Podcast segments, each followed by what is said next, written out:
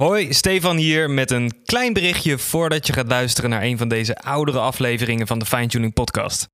Tijdens het maken van de Fine Tuning Podcast, een podcast voor muzikanten die gaat over het muzikantenleven, leerde ik heel veel, deelde ik veel en kwamen vaak dezelfde thema's terug in gesprekken met andere muzikanten. Mentale en fysieke gezondheid was een belangrijk thema in eigenlijk ieder gesprek wat ik heb gevoerd.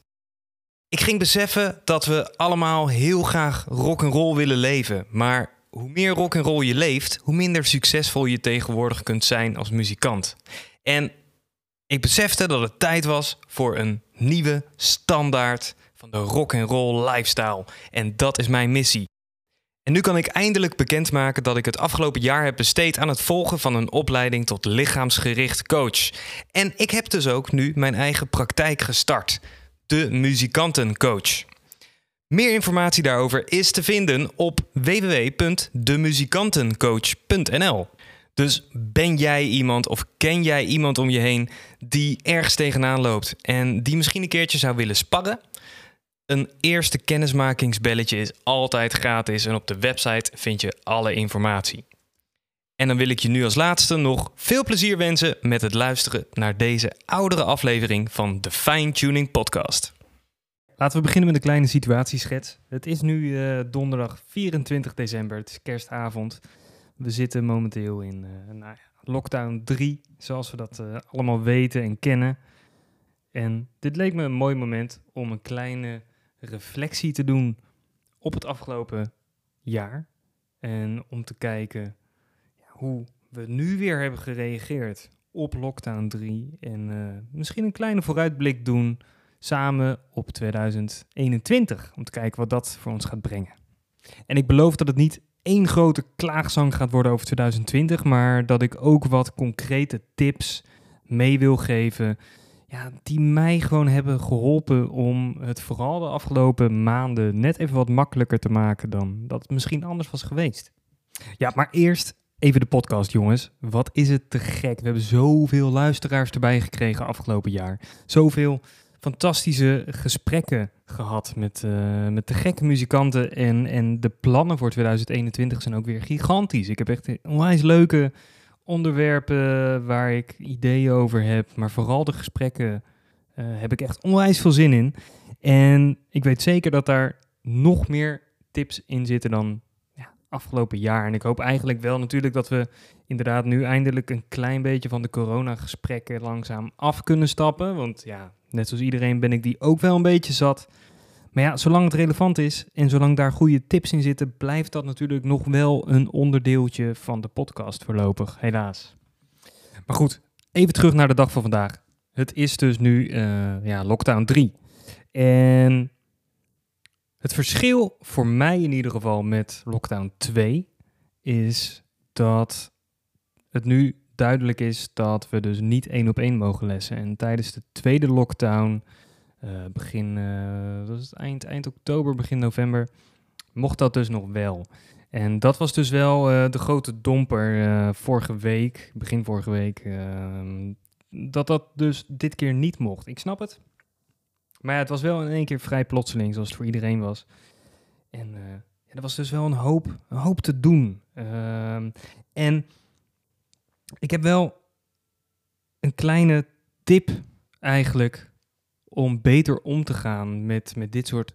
En, en niet, niet per se een lockdown natuurlijk, maar gewoon grote dingen die op je pad komen op een moment waarop je het niet verwacht.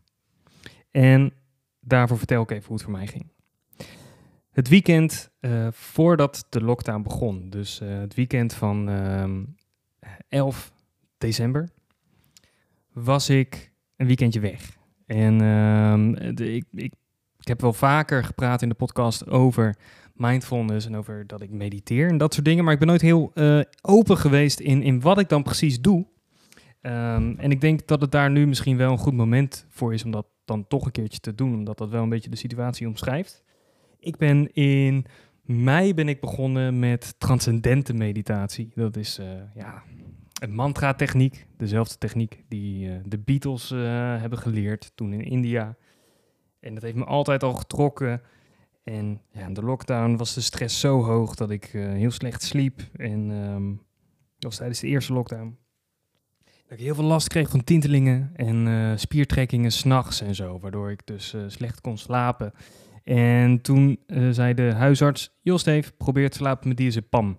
En als dat werkt, dus dat is een spierverslapper, als dat werkt, dan weten we eigenlijk zeker dat het komt vanuit stress. En ja, dat bleek dus ook zo te zijn. Dus na een paar weken wist ik het zeker en was het, was het gewoon stress.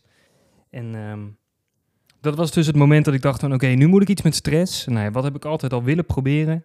Ja, transcendente meditatie. Want je hoort, weet je, Steve Jobs deed het, Oprah doet het, uh, Ellen DeGeneres doet het, uh, de Beatles deden het.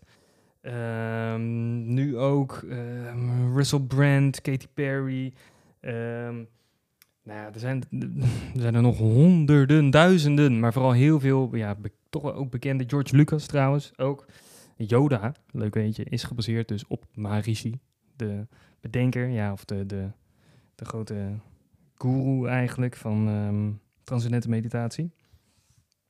Dus, maar dat is gewoon, het is best wel duur om te leren. Het kost een paar honderd euro. Uh, je krijgt wel heel veel begeleiding. En um, ja, toen dacht ik, oké, als het echt zo erg is uh, met mijn stress, dan moet ik dat misschien gewoon maar doen. En dat heb ik gedaan. En dat heeft me dus echt afgelopen half jaar enorm geholpen om wat, wat meer overzicht te hebben in het dagelijks leven. Dingen wat eerder te zien, wat makkelijker te reageren zonder daar heel erg in betrokken te raken. Ehm, en gewoon wat meer in het moment te zijn. Ik, tuurlijk denk ik dat het echt wel ook wel komt door transcendente meditatie. Maar ik denk dat over het algemeen mediteren gewoon goed is. En transcendente meditatie is een techniek die je twee keer per dag 20 minuten doet. Dus elke dag 40 minuten mediteren. Denk eigenlijk heel eerlijk gezegd dat ongeacht welke techniek je gebruikt, dat überhaupt een dagelijkse routine in meditatie echt ja, voor iedereen gewoon goed is. Helemaal in dit soort gekke tijden. Dan uh, helpt dat gewoon om je hoofd net even wat, wat overzichtelijker te houden. En ja, dat was het voor mij dus ook. En um, er zijn een aantal gevorderde technieken die je kan doen. En uh, dat zijn er vier in totaal. En dat is dus weer een weekendtraining. En daarvoor ben ik dus uh, in dat weekend naar Lelystad gegaan. Daar is een dorp waar die trainingen worden gegeven. En um, daar was ik dus in dat weekend. En dan ben je in een weekend ben je eigenlijk alleen maar bezig met meditatie, met, met leren over mediteren, uh, met yoga en dat soort dingen. Dus dat is onwijs rustgevend en leerzaam. En ik kwam zondagmiddag thuis en toen zag ik dus eigenlijk pas al dat nieuws in één keer. Van uh, ja, er komt een lockdown en het wordt een hele harde lockdown. En toen werd over de zondag werd langzaam steeds duidelijker hoe erg het was. En wat er allemaal wel niet ging gebeuren. En um, ja, op zo'n moment kan je natuurlijk meerdere dingen doen. Je kan um, heel erg in de stress schieten. Dat, dat, in de stress schieten deed ik ook. Maar niet extreem, gelukkig. Dat zou ik anders voorheen wel hebben gedaan. Dus dat scheelde ook dat je uit zo'n weekend komt. Maar de klap is daardoor wel wat harder, moet ik zeggen. Um, omdat je vanuit de rust in één keer naar een actiemodus moet. Wat wel even een, een heftige overgang was op dat moment. Maar het gaf wel overzicht uh, in wat ik moest doen. En dat, dat scheelt. En, en ik denk dat hier dus het, ja, mijn tip wat dat betreft vooral in zit. En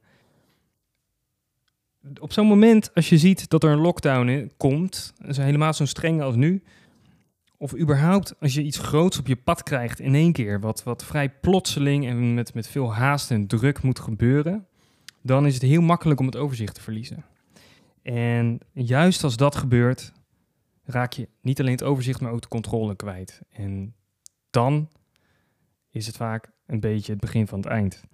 Um, of met je project, of met jouw energie en je concentratie. En je motivatie ook. Die wordt uiteindelijk natuurlijk ook gewoon minder. Dus er, er, is iets, er zijn een aantal dingen die je kan doen om, om op zo'n moment net eventjes iets gestructureerder in je hoofd te blijven. En iets, um, iets meer dat overzicht te houden. En wat ik dus deed, want ik wist gelijk, oh, er moet nu echt zoveel gebeuren en ik moet zoveel gaan regelen. En dat was zondag dus gelijk dat je denkt, oh shit, ik moet echt hele, nou, gewoon een heel project voor, voor, nou ja, wat voor, voor maandagavond moest gebeuren voor de persconferentie.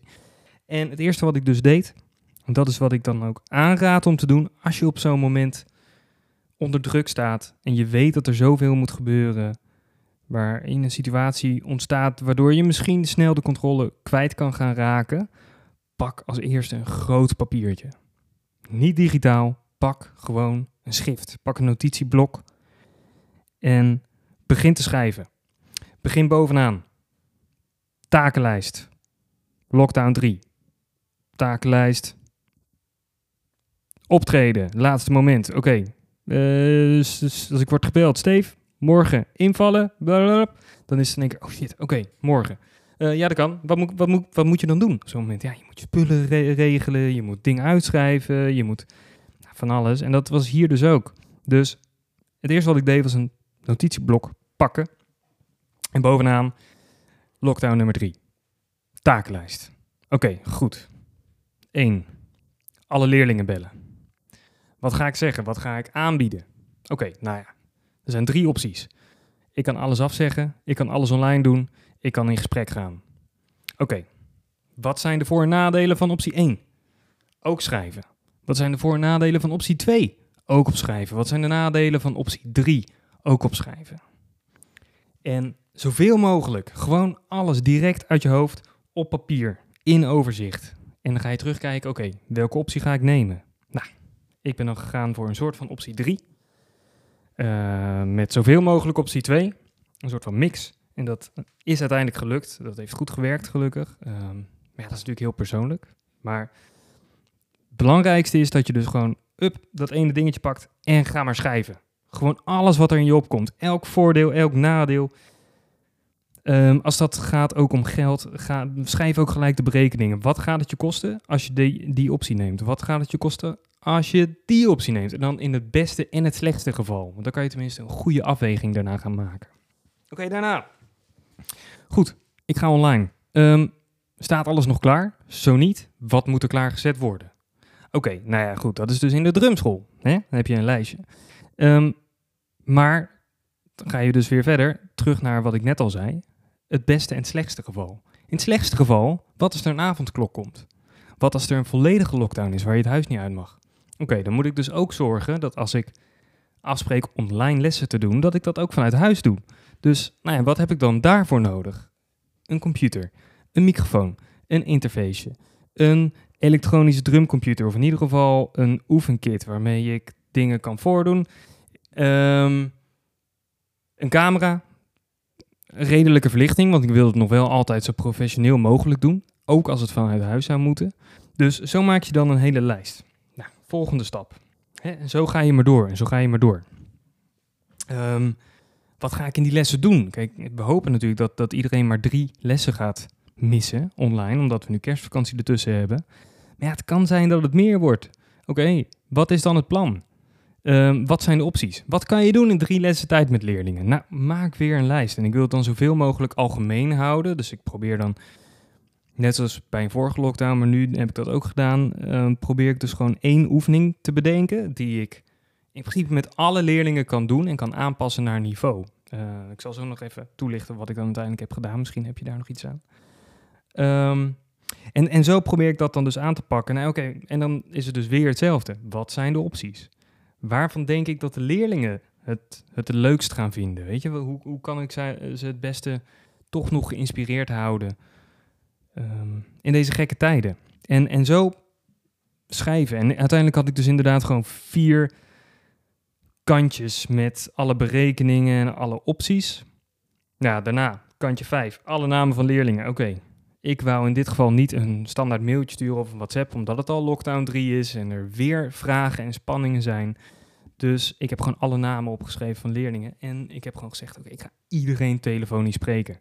En ik ga met iedereen overleggen wat zij nog oké vinden, wat nog haalbaar is voor iedereen.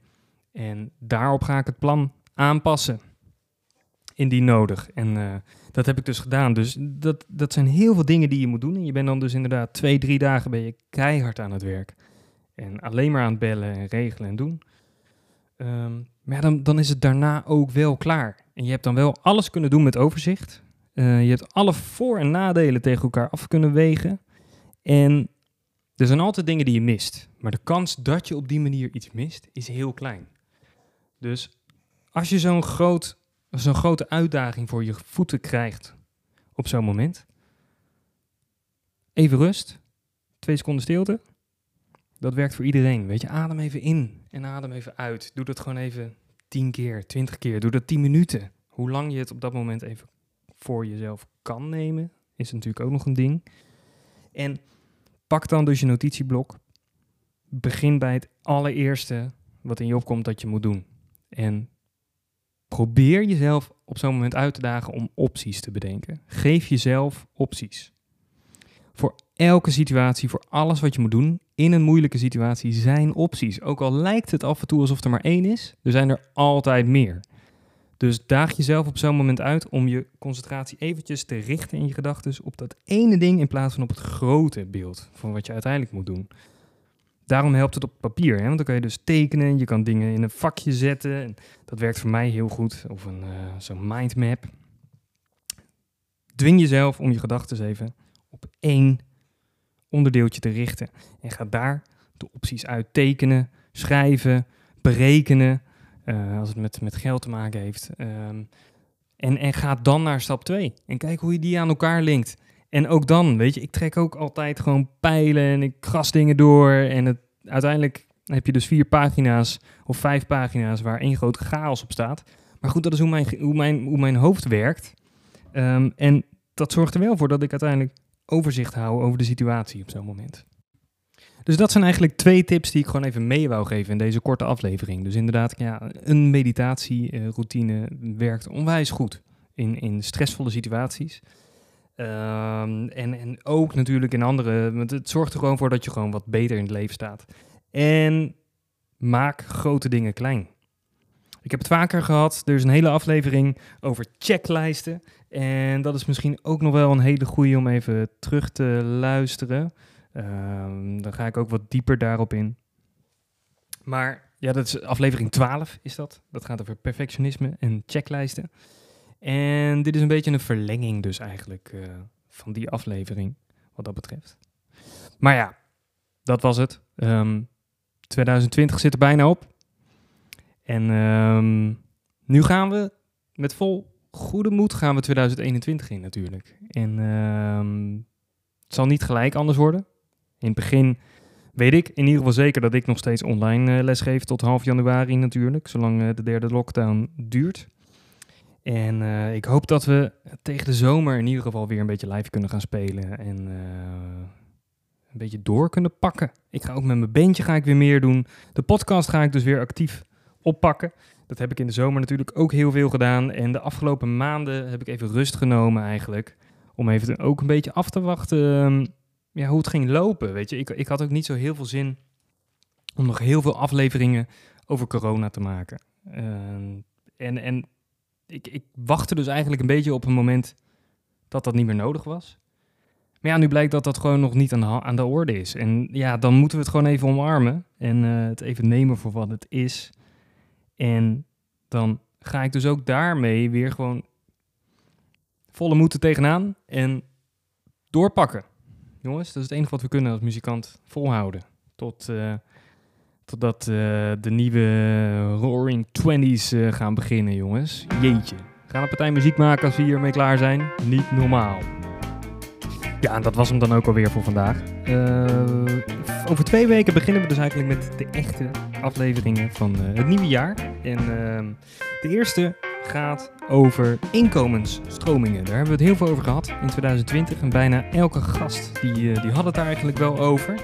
En ik snap dat dat voor heel veel mensen een soort van groot en een beetje abstract en uh, spannend ook is. En uh, ik heb dus geprobeerd om mijn ideeën daarover te structureren en daar een beetje een stappenplan voor te maken. En die ga ik dus de komende tijd in ieder geval met je delen. En uh, we gaan er gewoon weer een leerzaam en mooi 2021 van maken, jongens. En onwijs bedankt voor het luisteren. En tot de volgende aflevering.